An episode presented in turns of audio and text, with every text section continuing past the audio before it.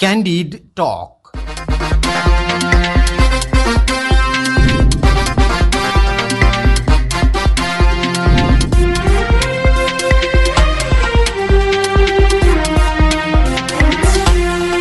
नमस्कार क्यान्डिड टकमा तपाईँलाई स्वागत छ। म तेजेन्द्र काफले। रेडियो क्यान्डिडको प्रस्तुति कार्यक्रम क्यान्डिड टक तपाईँले शनिबार बाहेक हरेक दिन बिहान साढे छ बजेबाट सात बजेसम्म आधा घण्टा सुन्दै आउनु भएको छ। समसामयिक विषयमा कुराकानी हुने यो कार्यक्रम तपाईँले काठमाडौँ उपत्यका र आसपासका जिल्लामा ninety two point seven mega हर्जमा radio क्यान्डिडको आधिकारिक फेसबुक पेजमा हाम्रो पात्रमा रेडियो क्यान्डिडको एप्स डाउनलोड गरेर र पोडकास्टमा समेत सुन्दै आइरहनु भएको छ। श्रोता पछिल्लो समय संघीय संसदका दुवै सदनमा अवरोध कायम छ। सत्ता गठबन्धनले पनि मन्त्री परिषदलाई पूर्णता दिन सकिरहेको छैन। पछिल्लो समय बाक्लिएको गठबन्धनको बैठकले पनि निकास दिन सकिरहेको छैन। संसदको गतिरोध अन्त्यका लागि सरकारी पहल पनि उचित हुन सकिरहेको छैन। यो पछिल्लो राजनैतिक घटनाक्रममा केन्द्रित रहेर आजको कार्यक्रम क्यान्डी टकमा हामी राष्ट्रिय जनमोर्चाका अध्यक्ष चित्रबहादुर केसीसँग कुराकानी गर्दैछौ।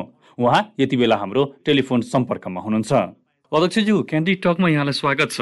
धन्यवाद। यो वर्तमान राजनीतिक अवस्थालाई कसरी विश्लेषण गर्नुहुन्छ यहाँ? अब यो अहिलेसम्मका जुन उपलब्धि हुन् अब यसमा चाहिँ कालो बादल मडारिएको छ भन्ने लाग्छ मलाई। पैँसठी त्रिसठी सालका आन्दोलनका जुन उपलब्धिहरू हुन् अब ती उपलब्धिमाथि कालो बादल मडारिएको देखिन्छ। अब संसदीय व्यवस्थालाई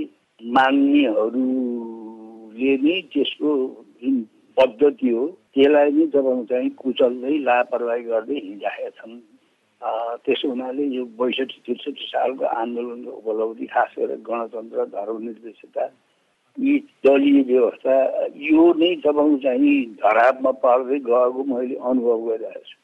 यो पछिल्लो राजनीतिक परिदृश्यहरू जुन रूपमा परिवर्तन भइरहेका छन् यो परिवर्तन पनि कालो बादलकै कारण हो? अहिले चाहिँ घुमाइ फिराइ जे भए पनि तपाईँको चाहिँ यी उपलब्धिहरूलाई नै सिद्ध्याउने खेल अब जान अनजानमा राजनीतिक पार्टीहरू त्यसैमा फस्का छन् भन्ने लाग्छ मलाई। त्यसो भए त कालो बादलभित्र त यहाँहरू पनि पो पर्नुभयो त। होइन हामीले त यो बैसठी त्रिसठी सालको आन्दोलनको उपलब्धिलाई चाहिँ संरक्षण हुनुपर्छ यो जोगिनुपर्छ। अब यसैबाट सबै हुन्छ भन्ने हाममा हामी छैनौँ। यसको अहिले भर्खरै चाहिँ विकल्प छैन। तत्काललाई त चाहिँ गणतन्त्र धर्मनिर्देशता दलीय व्यवस्था अब यसलाई चाहिँ फ्याँकेर हामीले अर्को योभन्दा उन्नत जनवादी व्यवस्था ल्याउन नसक्ने भयो यसलाई अड्याउनु पर्यो नि त। यो दलहरू विभाजन जुन रूपमा भइरहेका छन् जुन सङ्केत यहाँले पनि गर्नुभयो यो सङ्केतले आगामी दिनमा राजनीतिक अवस्थाको चाहिँ कस्तो सङ्केत गर्दैछ? यो भयावह स्थितिमा जाँदैछ अथवा सहज रूपमा अगाडि बढ्नको लागि दलहरू विभाजित हुँदैछन् के हो खासमा? अब यो यो चाहिँ सहज रूपमा यसको चाहिँ अन्त्य हुन्छ जस्तो लाग्दैन। यसको दुष्परिणाम चाहिँ हुन्छ। हामीले चाहिँ कल्पनै नगरेको दुष्परिणाम हुन सक्छ हजुर हजुर। जस्तो कहाँसम्म कुन हदसम्मको पुग्न सक्छ दुष्परिणाम? कुन हदसम्म भने तपाईँको चाहिँ गणतन्त्र नै तपाईँको चाहिँ सिद्धिने दलीय व्यवस्था नै सिद्धिने अब अब यस खालका चाहिँ खतरा मोडतिर मुलुक गइरहेको यो विभाजनले चाहिँ जुन रूपमा अगाडि बढ्दैछन् दलहरू यो विभाजनले चाहिँ यी सम्पूर्ण उपलब्धिहरू नै सखाप बनाएर जान्छ भन्ने विश्लेषण यहाँको रहन्छ। हो हो। यो पछिल्लो समय केही राजनैतिक विश्लेषकहरू केही नेताहरू केही यो राजनीतिसँग चासो राख्ने व्यक्तिहरू चाहिँ यो पदको लोलुपताको कारण दलहरू विभाजन भयो भनेर पनि भन्दैछन्। यहाँको विश्लेषण यहाँको बुझाइ पनि त्यही हो अथवा मभन्दा केही फरक हुनुहुन्छ तपाईँ? एउटा कारण त त्यो पनि हो। नेपालमा चाहिँ केही मात्रात्मक परिवर्तन राजनीतिक परिवर्तन भए पनि प्रवृत्तिमा परिवर्तन भएन। राजनीति गर्ने भनेको राष्ट्र र जनताको सेवाको लागि हो राष्ट्रको समृद्धिको लागि हो भन्ने भन्दा पनि राजनीति गरेपछि र ठाउँमा पुगेपछि सबभन्दा पहिले आफू बन्नुपर्छ आफ्ना नजिकालाई बनाउनुपर्छ र आगामी चुनावलाई खर्च पर्चको व्यवस्था गर्नुपर्छ भन्ने अत्यधिक चाहिँ राजनीतिक कर्मीहरूको यो प्रवृत्ति चाहिँ गएन। मुख्य यसैले पनि बढी काम गरेको छ त्यो लोभ अझै कम्युनिस्ट नेताहरूमा बढी छ? सबैमा छ। नाम राखेर त कम्युनिस्ट भइन्न। अब त्यो उसको नीति चरित्र व्यवहार अब त्यसले हो अब छुट्याउने। त्यसो हुनाले अब नाम राखेर त मात्रै त नहुने त नाम त विभिन्न खालको नाम राखेका छन्। हजुर हजुर। यथार्थमा चाहिँ जिन नाम राखेर मान्छेहरू हिँडिरहेका छन् समाजवादको कुरा गरेर अब साम्यवादको कुरा गरेर लोक कल्याणकारी राज्यका कुरा गरेर जुन हिँडिरहेका छन् व्यवहार चाहिँ त्यस्तो छैन। त्यो एकदम त्यसको विपरीत छ व्यवहार। अब अझ बढी यो पछिल्लो समय यहाँले जुन सङ्केत गर्नुभयो जस्तो लोलुपाको कुरा भयो अन्य धेरै कारणहरूले गर्दा चाहिँ दलहरू विभाजन भएर अगाडि बढिरहेका छन्। स्थिर राजनीतिको परिकल्पना गरेर जुन जनअपेक्षा छ जुन जनताको चाहना छ त्यो पुरा हुन सकिरहेको छैन। यो सबै कारणहरू देखिनु चाहिँ कम्युनिस्ट दलहरूमा मात्रै चाहिँ के कारण रह्यो? जस्तो उदाहरणको लागि कम्युनिस्ट दलहरू मात्रै धेरै विभाजन भइरहेका छन्। कम्युनिस्टहरू भित्र पनि तपाईँ चाहिँ बाहिरका जो प्रवृत्ति छ तपाईँ चाहिँ नि अब ठग्ने लुट्ने अब आफ्नो स्वार्थ पुरा गर्ने त्यसको लागि चाहिँ जे पनि गर्ने जुन बाहिरको अरू अन्त जुन समाजमा जुन तपाईँले प्रवृत्ति देख्नुहुन्छ त्यही समाजबाट आएका मान्छे हुन् राजनीतिक कार्यकर्ताहरू नेताहरू पार्टीका मान्छेहरू त्यस हुनाले अब त्यस खालको विकृति विसङ्गति उनीहरू बोकेर पनि पार्टीभित्र पसेका छन्। पार्टीभित्र पसेको त एउटा आदर्श एउटा नैतिकता एउटा इमान्दारिता अब त्यो चाहिँ पार्टीमा सामेल भइसकेको मान्छेले त आफ्नो पार्टीको नीति आदर्श सिद्धान्त त्यस खालको विकास अनुसारको व्यवहार हुनुपर्ने हो त्यो पिछड चाहिँ हुँदै भएन। हजुर हजुर हजुर। अब पार्टीमा बसेको मान्छे चाहिँ गैर पार्टी भन्दा तपाईँ चाहिँ झन् चाहिँ उत्ताउलो झन् लोभी झुन अवसरवादी त्यस्तो देखिन्छ केही समय अगाडि नेकपा फुट्यो अहिले फेरि एमाले फुटेको छ। अब माओवादी केन्द्र र नेकपा एकीकृत समाजवादी जुन माधव नेपालज्यूले नेतृत्व गरिरहनु भएको छ यी दुई दल मिलेर अगाडि बढ्ने चर्चाहरू पनि चलिरहेका छन्। यो सम्पूर्ण विश्लेषण गर्दाखेरि तपाईँलाई पनि त्यस्तै लाग्छ? अब यहाँ जुट्न र फुट्नको त के चाहिँ अब आइतबार चाहिन्छ र नेपालमा अब तत्काल चाहिँ स्वार्थ पुरा हुन्छ भने तपाईँको चाहिँ अब राजनैतिक सैद्धान्तिक कुरा साङ्गठनिक कुरा दर्शनको कुरा त्यो सुनाउन मात्रै हो। पहिले पनि तपाईँको तत्कालीन एमाले र माओवादी अब एकीकरण हुँदाखेरि पनि विशुद्ध दुईजनाले तपाईँको चाहिँ मिली मजो गरे त्यो पार्टीभित्रका अरू सबलाई चाहिँ हेरेको हेरै बनाएर उनीहरूले विशुद्ध चाहिँ दुईजना कुरा मिल्यो। पार्टी एकता गरे पार्टीका चाहिँ अब नीति कार्यक्रम साङ्गठनिक पद्धति बेग्ला बेग्लै पृष्ठभूमिबाट आएकाले त्यति चाँडो रातारात तपाईँ चाहिँ पार्टी मिलाउनुको पछाडि चाहिँ दुईजनाको चाहिँ कुरा मिलेको थियो त्यस कारणले मिल्यो दुईजनाको कुरा नमिल्दाखेरि तपाईँ चाहिँ अब जहाँको चाहिँ जस्ता तस्तै भत्ताबिन्नु भइहाल्यो। त्यस हुनाले यहाँ राजनीति गर्दाखेरि सिद्धान्तमा आधारित दर्शनमा आधारित नीतिमा आधारित साङ्गठनिक पद्धतिमा आधारित इमान्दारिता ती कुरा त असाध्यै खडेरी परेछ। जसलाई जसले जति झुक्याउन सक्छ कम्युनिस्ट पार्टीभित्र मात्रै होइन अन्य बुर्जुवा पार्टीहरू पनि तपाईँ त्यही देख्नुहुन्छ। जसले जसलाई छक्याउन सक्छ झुक्याउन सक्छ उसबाट फाइदा कति लिन सकिन्छ त्यो लिने दाउपेज त्यस कारणले पनि तपाईँको चाहिँ नि अब जनताहरूमा चाहिँ पार्टीहरूप्रति एकदम चाहिँ एउटा घृणा सहानुभूति आस्था भन्दा पनि बढी घृणा बढेर गइरहेको छ हजुर भनेपछि स्वार्थ मिल्यो भने यहाँ नेपालमा जे पनि हुन्छ राजनीतिमा भन्ने स्वार्थ मिल्नुपर्छ स्वार्थ मिल्यो भने त चाहिँ सिद्धान्तको आवश्यकता पर्दैन नैतिकताको इमान्दारता चरित्रको संस्कृतिको कुनै चाहिँ खेल त्यसको खेल खोजी नै हुन्न। स्वार्थ मिल्नुपर्छ स्वार्थ मिल्यो कि तपाईँको चाहिँ नि एक ठाउँ हुने। स्वार्थ बाजिने बित्तिकै तपाईँको चाहिँ सिद्धान्तको कुरा भएन राजनीतिको कुरा भएन। सिद्धान्तमा तपाईँको चाहिँ नि गडबड स्वा स्वार्थमा दबाउँदा टक्कर पर्यो भने त्यो फेरि अर्कै त्यसले रूपै बेग्लियो हजुर हजुर। अब यो पाका कम्युनिस्ट नेताहरू त फेरि वाम एकताको कुरा गरिरहेका छन् जस्तो वाम एकताको सम्भावना चाहिँ रहन्छ कि रहन्न नेपालमा त? अब अहिले भर्खरै त देखिन्न हेर्नुहोस्। हजुर। अब हामीले पनि अब पटक पटक त्यो अभ्यास गऱ्यौँ अब वामपन्थीहरूको आफ्नो आदर्श छ अब साङ्गठनिक लेलीमाथि सङ्गठनात्मक पद्धति छ त्यसको दर्शन बेग्लै छ साङ्गठनिक पद्धति छ राजनीति छ। अब यो सबैलाई त तपाईँको चाहिँ नि अब पुरानो भइसक्यो। लेलिनवादी सङ्गठनात्मक पद्धति पुरानो भइसक्यो भन्नु थाले भन्दै आए। होइन? त्यसो हुनाले अब नयाँ पद्धति के हो त नयाँ पद्धति के हो भने अब जनतालाई तपाईँको चाहिँ अनावश्यक झुटको खेती गर्ने र जनताको चाहिँ समर्थन लिने कार्यकर्ताको समर्थन लिने सत्तामा गएर सबभन्दा पहिले चाहिँ अगुवाहरू बन्नु। अब त्यो भएपछि चाहिँ तपाईँको चाहिँ नि अब पार्टीभित्र पनि अब एकता रहेन पार्टीभित्र पनि गोलमाल भइरहन्छ। हजुर हजुर। अनि हाम्रो जस्तो यो निम्न पुँजीवादी तपाईँको चाहिँ जो समाज हो नि पुँजीवादको यहाँ विकास भएको छैन। पुँजीवादको विकास भएको भए एकातिर पुँजीपतिहरू अर्कोतिर सर्वहाराहरू हुन्थे। अब त्यो तपाईँको चाहिँ डिमार्केसन छुट्टा छुट्टै हुन्थ्यो यहाँ त निम्न पुँजीवादी समाज छ पार्टीमा लागेका मान्छेहरूको आफ्नो घर छ जग्गा होला ब्याङ्क ब्यालेन्स होला अथवा व्यापार होला केही न केही उसँग उसको चाहिँ अब सम्पत्तिसँग ऊ जोडिएछ धेरै थोरै। त्यसो हुनाले अब ऊ चाहिँ अब सर्वहाराको कुरा गर्छ तर उसले चाहिँ के चाहन्छ निम्न पुँजीवादी वर्गबाट आएको भने उसको भएको गुम्न भएन र बरु भएकोमा त म चाहिँ थपिँदै जानु पर्यो।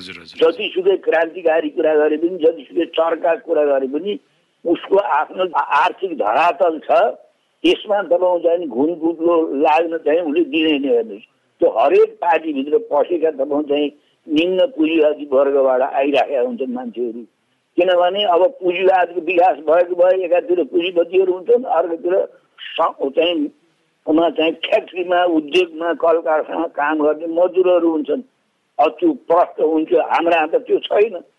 त्यस कारणले मजदुर फाँटबाट बुद्धिजीवी फाँटबाट विभिन्न ठाउँबाट आएका मान्छेहरूलाई पार्टीमा सामेल गरेर तपाईँको चाहिँ उसलाई कम्युनिस्ट सिद्धान्त दर्शन नीति पढाएर सिकाएर उसलाई चाहिँ पार्टीमा राखिन्छ। अब उसले आफूलाई चाहिँ अब पद पाउने बेलासम्म पदबाट अवसर बटुल्ने बेलासम्म ऊ धार्य भएर बस्छ। जब त्यसमा चाहिँ अब गडबड हुन थाल्छ विभिन्न कारणले चाहिँ आफ्नो स्थितिमा गडबड तलमाथि पर्न थाल्यो उसले विद्रोह भनेर निस्कन्छ हेर्नुहोस्। भनेपछि एकताको लागि चाहिँ जुन रूपमा त्याग नेताहरूबाट शीर्ष नेतृत्वहरूबाट पाका कम्युनिस्ट नेताहरूबाट हुनुपर्ने थियो त्यो चिज देखिँदैन। निषेधको राजनीति बढी देखिएको कारणले गर्दाखेरि वाम एकताको चाहिँ चर्चा मात्रै हो सम्भावना रहन्न भन्न खोज्नुभयो।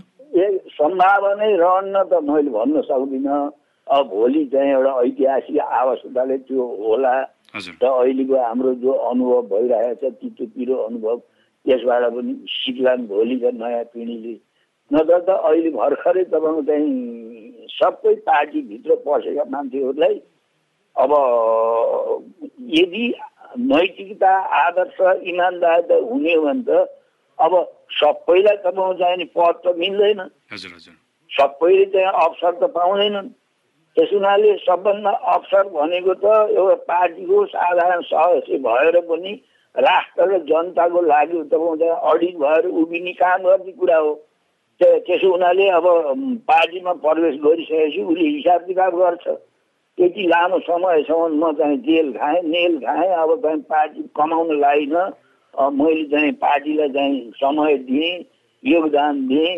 मैले के पाएँ भनेर उसले सोध्न थाल्छ अनि के गर्दाखेरि आफूले प्राप्त गर्न सकिन्छ व्यक्तिगत लाभ निजी लाभ त्यसको खोजी हिँड्छ मान्छे। त्यो प्रत्येक पार्टीमा यस खालको प्रवृत्ति छ। त्यो खालि एउटा पार्टीमा मात्रै होइन अब बुर्जुवा पार्टीहरूमा प्रतिक्रियावादी पार्टीहरूमा त्यो स्वाभाविक कुरा हो। पार्टीमा लागेपछि चाहिँ आफू बन्नुपर्छ पहिले उनीहरूको भनाइ नै छ। आफू बन्नुपर्छ र बल्ल समाज बनाउने हो भन्ने त्यो घोषित नीति छ। त्यसमा केही चर्चा छैन। कम्युनिस्ट आदर्श त के हो भन्दाखेरि त पाउँछ नि आफू होइन बन्ने समाजलाई हो बन्ने देशलाई हो बनाउने जनतालाई हो बनाउने भन्ने त अन्तर्राष्ट्रिय कम्युनिस्ट आन्दोलनको उदाहरण छ।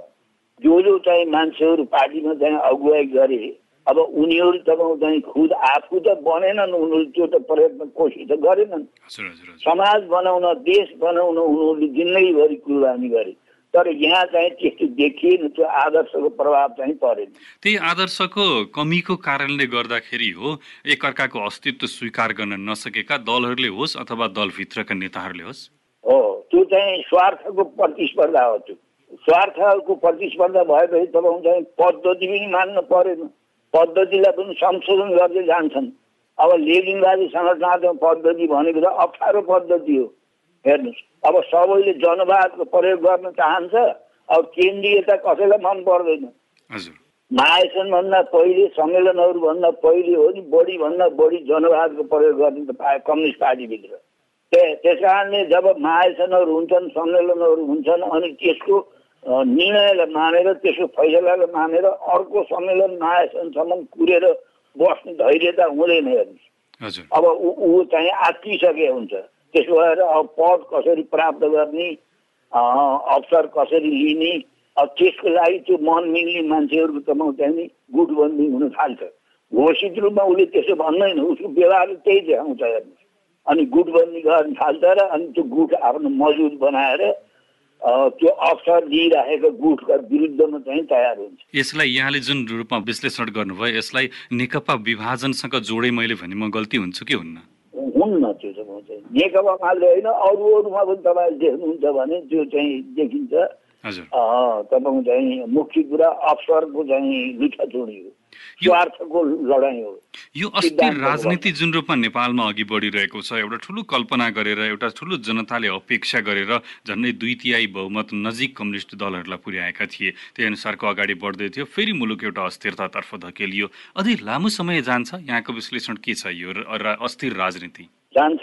यो यो अब यस्तो राजनीतिक पार्टीहरूको जुन एउटा चाहिँ अस्थिरता छ स्वार्थ छ यसमा चाहिँ जो सङ्घर्षहरू छ त्यसबाट तपाईँको चाहिँ बाह्य शक्तिहरूले पनि तपाईँको चाहिँ तीव्रता साथ सक्रियता साथ तपाईँको चाहिँ नि अब खेलिरहेको हुन्छ ऊ पनि। हजुर हजुर हजुर। अब हामीले देखिँदैनौँ सर्वसाधारण जनताले तपाईँ हामीले देखिँदैनौँ ठुल्ठुला चाहिँ घटना घटेर चाहिँ बाह्य शक्तिहरू चलखेल देख्ने बेग्ली कुरा हो। नत्र तपाईँको चाहिँ अब यहाँ यदि यहाँका राजनीतिक पार्टीहरूले आदर्श नैतिकता इमान जमान राष्ट्रप्रति त्यस खालको त्यस खालको त चाहिँ गुणले युक्त भएर काम गरे भने त देश सङ्गठित हुन्छ जनता समृद्धि हुन्छन्। त्यसो भएपछि त यहाँ तपाईँको चाहिँ बाह्य शक्तिले पुलको झुल्काउन पनि गाह्रो पर्छ हेर्नु। जुन जुन देशमा त्यहाँका चाहिँ नेताहरूले जनतालाई सङ्गठित गरे पार्टीलाई व्यवस्थित पारे भनेपछि तपाईँको चाहिँ बाह्य शक्तिहरू त बाहिर टाढै बसेर तपाईँको चाहिँ मोरो हाल्ने केही गर्न सक्दैन चलखेल गर्न सक्दैन। अब जब चाहिँ अब कुनै देशका पार्टीहरूले तपाईँको चाहिँ पार्टीको सिद्धान्त पार्टीको नीति जनताप्रति राष्ट्रप्रति जवाबदेही हुनुभन्दा पनि जसले अहराज र आफ्नो मात्रै चिन्ता गर्छ आफ्नो गुटको मात्रै चिन्ता गर्छ अब ती ठाउँहरूमा तपाईँको चाहिँ लगातार अस्थिरता आइरहेको छ र बाह्य शक्तिहरू नै त्यस्ता ठाउँमा त्यस्ता देशहरूमा असाध्य चलखेल बढेर गइरहेछ। र तपाईँको चाहिँ नि यस्तो खालको चलखेल यस्तो खालको अस्थिरता हुँदै गयो भने राष्ट्रको तपाईँको चाहिँ अस्तित्वमा पनि प्रश्न चिन्ह खडा हुँदै जान्छ। मुलुक असाध्य अप्ठ्यारो ठाउँमा छ नेपाल त। आन्तरिक स्वार्थ मात्रै होइन बाह्य स्वार्थले गर्दा पनि राजनैतिक अस्थिरता र मुलुक यही रूपमा ढलमल ढलमल हुँदै अगाडि जाने विकासका कामहरू त एकदम द्रुत गतिमा नहुनुको कारण रह्यो। सहज राजनीति परिकल्पना गर्न सकिन्छ कि सकिँदैन? एउटा स्थिर राजनीति समृद्ध मुलुक जुन नारा यहाँले दिइराख्नु भएको छ त्यही अनुसार मुलुक अगाडि बढ्छ कि बढ्दैन त? अब बढ्नु पर्ने त आवश्यकतै छ। यदि त्यसरी बढ्न सकेन भने त मुलुक तपाईँको चाहिँ नि अब यस खालको अस्थिर राजनीति अराजकता चाहिँ सिर्जना भइसक्यो भने त तपाईँको चाहिँ राष्ट्रको अस्तित्वमा समेत प्रश्न चिन्ह खडा हुन्छ। हेर्नुहोस्। अनि बाह्य शक्तिले नै देशभित्रका एउटा एउटा स्वार्थी तत्त्वहरूलाई पक्रिरहेको हुन्छ जुझाइरहेको हुन्छ उसले लडाइरहेको हुन्छ। अब यसो गर्दाखेरि तपाईँको चाहिँ राष्ट्रको अस्तित्वमा समेत तपाईँको चाहिँ प्रहन चिन्ह खडा भइरहेको छ। त्यस्तो लाग्छ मलाई। त्यस कारणले राजनीति गर्ने मान्छेहरू नै सबभन्दा पहिले चाहिँ नि आफ्नो चाहिँ व्यवहार आफ्नो नीति आफ्नो आचरण आफ्ना कामको चाहिँ मूल्याङ्कन गर्न सक्नुपर्छ उद्देश्य के हो? उद्देश्य के हो? त्यो चाहिँ छिनोफानो गरेर र एउटा पारदर्शी रूपमा अगाडि बढ्न आवश्यक एकदम पारदर्शी रूपमा अगाडि बढ्नुपर्छ। अहिले अहिले जुन तपाईँको चाहिँ हलचल देखिएछ अहिले जुन अराजकता देखिएछ अब यो त बाहिर अरूले ल्याइदिएको भन्दा पनि तपाईँको चाहिँ स्वयं हामी भित्रकै कमजोरीको कारणले हो नि अहिले यस्तो भएको हजुर हजुर हजुर। अनि एउटाले अर्कालाई चाहिँ दोष लाउने र आफू पानीमाथि ओभानु हुने जुन प्रवृत्ति छ यसले तपाईँको चाहिँ मुलुक अगाडि बढ्दैन। त्यस हुनाले सबैले चाहिँ आफ्नो चाहिँ विगत पनि हेर्नु पर्यो। आफूले वर्तमानमा के गरिरहेको छ त्यो पनि हेर्नु पर्यो। र मूल कुरा आदर्श नैतिकता सिद्धान्त जिम्मेवारीले चाहिँ निर्देशित हुन पर्यो। व्यक्ति पनि चाहिँ समूह पनि पार्टी पनि।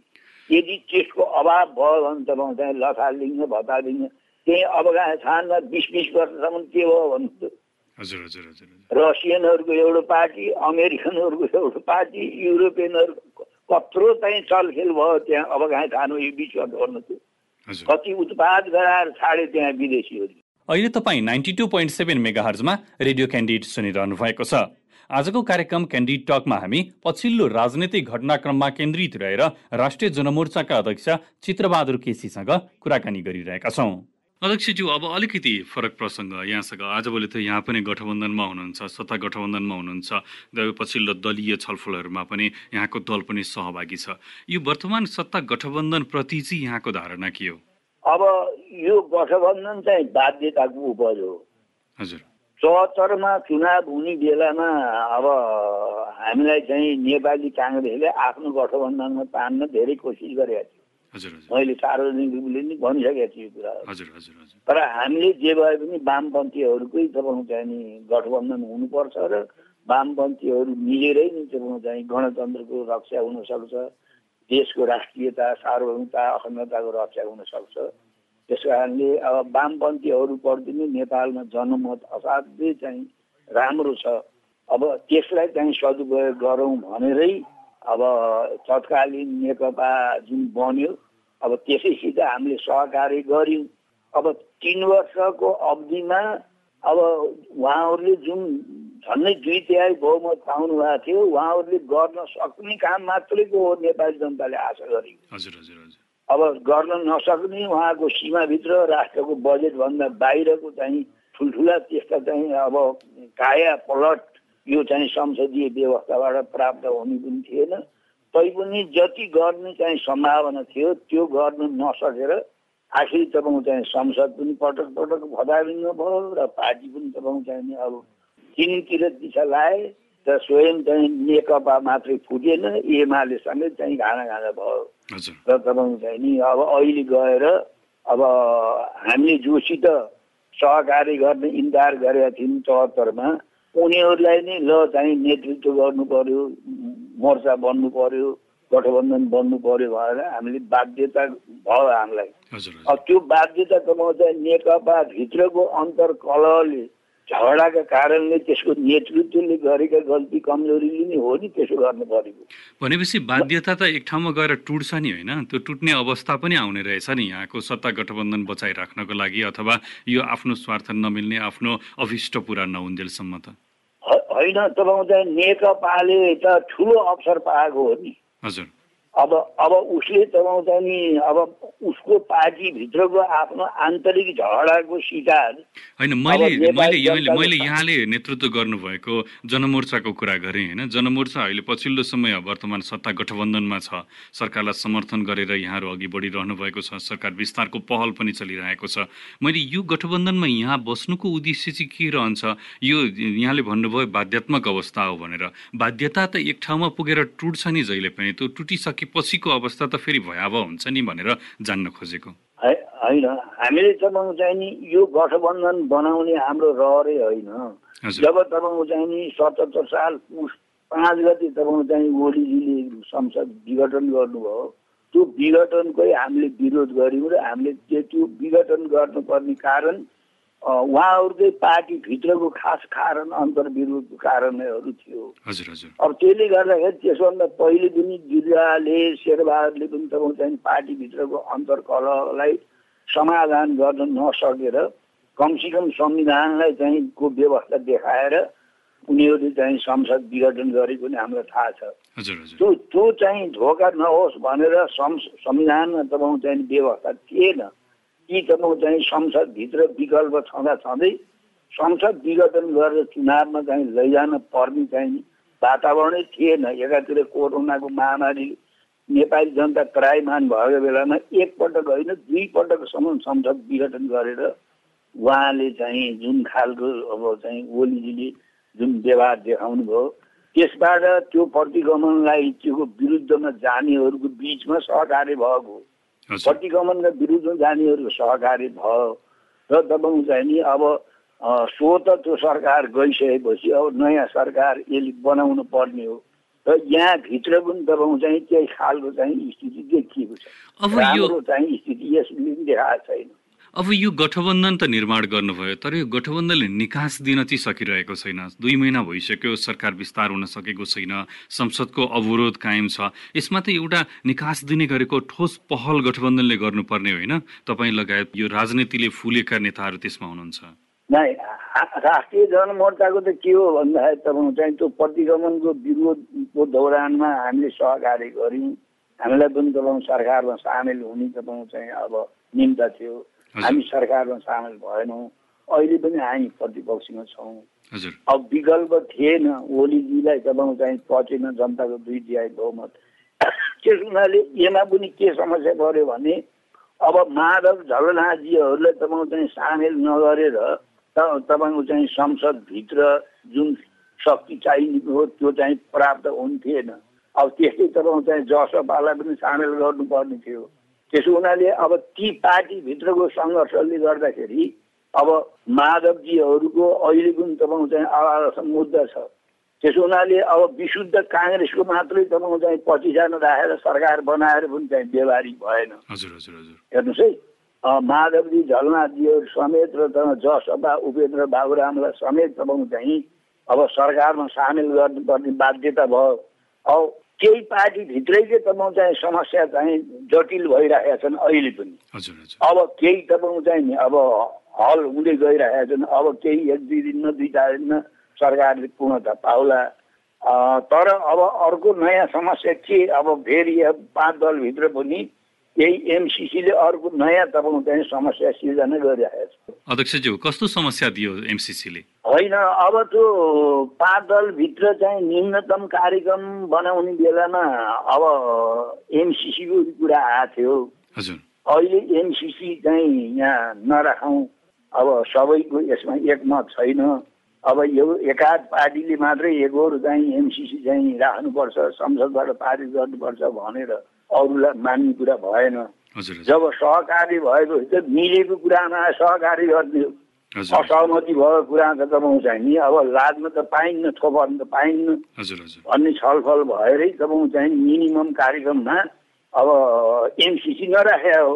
अब अहिले तपाईँको चाहिँ नि अब अमेरिकाले जोड बल लाएर एमसिसी तिमीहरूले चाहिँ स्वीकार गर्नै पर्छ। एमसिसीभित्र भएका नकारात्मक कुराहरू चाहिँ चाहिँ गलत हुन्। भनेर तपाईँको चाहिँ नि अब नेपाली जनतालाई उल्लु बनाएर एमसिसीको तपाईँको चाहिँ नि अब पासो थापिरहेको छ उसले अब यसमा तपाईँको चाहिँ नि अब पाँच दलमा एकमत चाहिँ छैन। राष्ट्रिय जनमोर्चा त तपाईँको चाहिँ यो एमसिसी कुनै पनि हालतमा यसलाई नेपाली जनताले स्वीकार गर्नै हुँदैन भन्नेमा छ।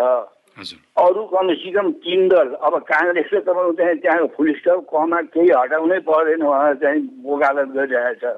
अरू पार्टीहरू कमसेकम त्यहाँ भएका चाहिँ गलत प्रावधानहरू त्यसलाई हटाएर संशोधन गरेर स्वीकार गर्नुपर्छ भन्नेमा छन्। अब यही विषयले पनि चाहिँ समस्या पारेको छ। अब एमसिसीले तपाईँको चाहिँ यो संशोधनै हुन्न भन्ने छ अब अब यो कसरी जान्छ? लगभग लगभग अन्त्यतिर छौँ कार्यक्रमको। यो जुन रूपमा गतिरोधहरू देखिएको छ संसदको गतिरोध छ गठबन्धनमा पनि एकमत छैन त्यस कारणले गर्दा मन्त्री परिषद विस्तार हुन सकिरहेको छैन। अन्य यावत विषयहरू छन् जुन अहिले तत्काल सम्बोधन गरेर लिएर जानु छन् राष्ट्रिय एजेन्डाहरू छन् यी सबैलाई सहज रूपमा अवतरण गराउनको लागि चाहिँ गठबन्धन कसरी अगाडि बढ्न आवश्यक देख्नुहुन्छ तपाईँ? होइन गठबन्धनले त तपाईँको चाहिँ नि गठबन्धनमा त सहमति भएका विषयहरू मात्रै मिलेर जाने हो। असहमति भएका कुराहरू चाहिँ अब एक थरीले जबरजस्ती गर्छु भने त मिलेर जाँदैन। जान्छ। एमसिसी अहिले चाहिँ पारित गर्ने सम्भावना पनि छैन। अब यसका विरुद्धमा ठुलो जनमत पनि नेपालमा चाहिँ देखिराखिएको छ। त्यस कारणले बाँकी कुराहरू तपाईँको चाहिँ नि एमाले समाजवादी अब जसपा उताबाट तपाईँको चाहिँ जो सरकारमा सामेल गर्ने मन्त्रीहरूको सङ्ख्या अब चाहिँ एक दुई दिनमा दुई चार दिनमा बढीमा तपाईँको चाहिँ त्यो अब पुरा गरेर हजुर हजुर। अब संसद चलाएर अगाडि जानुपर्छ। हस् धन्यवाद अध्यक्षज्यू। क्यान्डिड टकको लागि समय दिनुभयो यहाँले। धन्यवाद। हवस् त क्यान्डी टकको यो अङ्क आजलाई यति नै। आजको कार्यक्रममा हामीले पछिल्लो राजनीतिक घटनाक्रममा केन्द्रित रहेर राष्ट्रिय जनमोर्चाका अध्यक्ष चित्रबहादुर केसीसँग कुराकानी गर्यौं। भोलि फेरि साढे छ बजे फरक विषयमा कुराकानी गर्नेछौ। प्रविधि संयोजनका लागि कुमार सुन्दासजीलाई धन्यवाद। कार्यक्रमबाट म तेजेन्द्र काफले पनि विदा माग्छु। रेडियो क्यान्डिड सुन्दै गर्नुहोला। नमस्कार। Candid talk.